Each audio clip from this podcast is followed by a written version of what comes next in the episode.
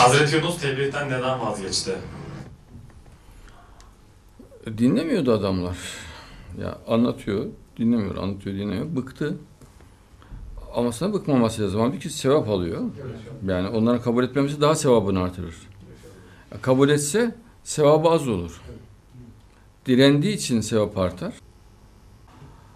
Denizde çok şiddetli bir rüzgar çıkıyor. Çok şiddetli fırtına. Dalgalar falan geminin üstüne üstüne geliyor. Yani batıracak gemiyi böyle. Diyorlar ki aramızda uğursuz biri var diyorlar. Bu normal değil. Yani çünkü ortalık süt limandı. Havada iyiydi. Aniden bozdu. Ve bu gemiye yönelik bir şey oldu. Bu aşikar belli. Kurayla bunu bulmaya çalışalım. Bulup onu denize atacağız diyorlar. Herkesin ismini yazıyorlar. Yunus Aleyhisselam ismini de yazıyorlar. Çeker çekmez Yunus Aleyhisselam'ın ismi çıkıyor. Hemen direnmesine rağmen alıp denize atıyorlar. Zaten denize atmak bir felaket. Çünkü deniz akıl almaz dalgalı yani gökte 3 metre, 5 metre neredeyse dalga oluyor. Şeye çarpıyor. Geminin içine sular doluyor böyle. O anda normalde yani insan zaten çok şiddetli pişman olur.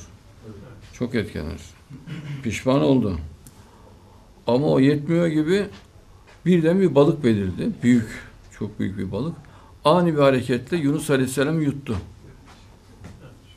Karanlıklar içinde kaldı diyor Allah ayette. O balığın karnında Ya Rabbi senden başka baki olan yok. Sana sığınıyorum diye Allah'a dua etti. Ya Rabbi beni affet diye. Allah duasını kabul etti ama tabii bu biraz sürdü. Yani derhal değil. Balık ilerledi, ilerledi. O karnında kaldı yani çok bayağı bir süre kaldı. Balık sahile kadar geldi e, ve ağzından onu çıkarttı hayvan. Yani attık, e, sahile attı. E, üstü başı elbiseleri de dağıldı balığın karnında yani çıktı üstü başı elbiseleri de kalmadı. Orada genişçe böyle yaprakları olan bitki. Cennette de Hazreti Adem ve Hava biliyorsunuz genişçe bitki yapraklarıyla örtülmüşlerdi. Genişçe bitki yapraklarının örtündü ve hasta vaziyetteydi yani.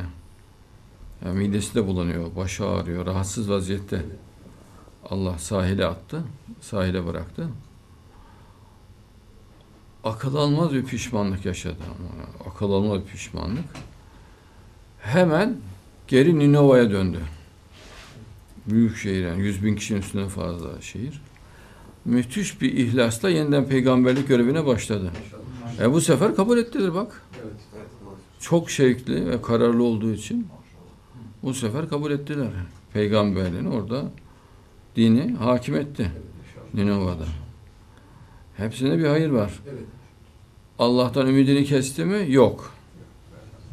Maşallah.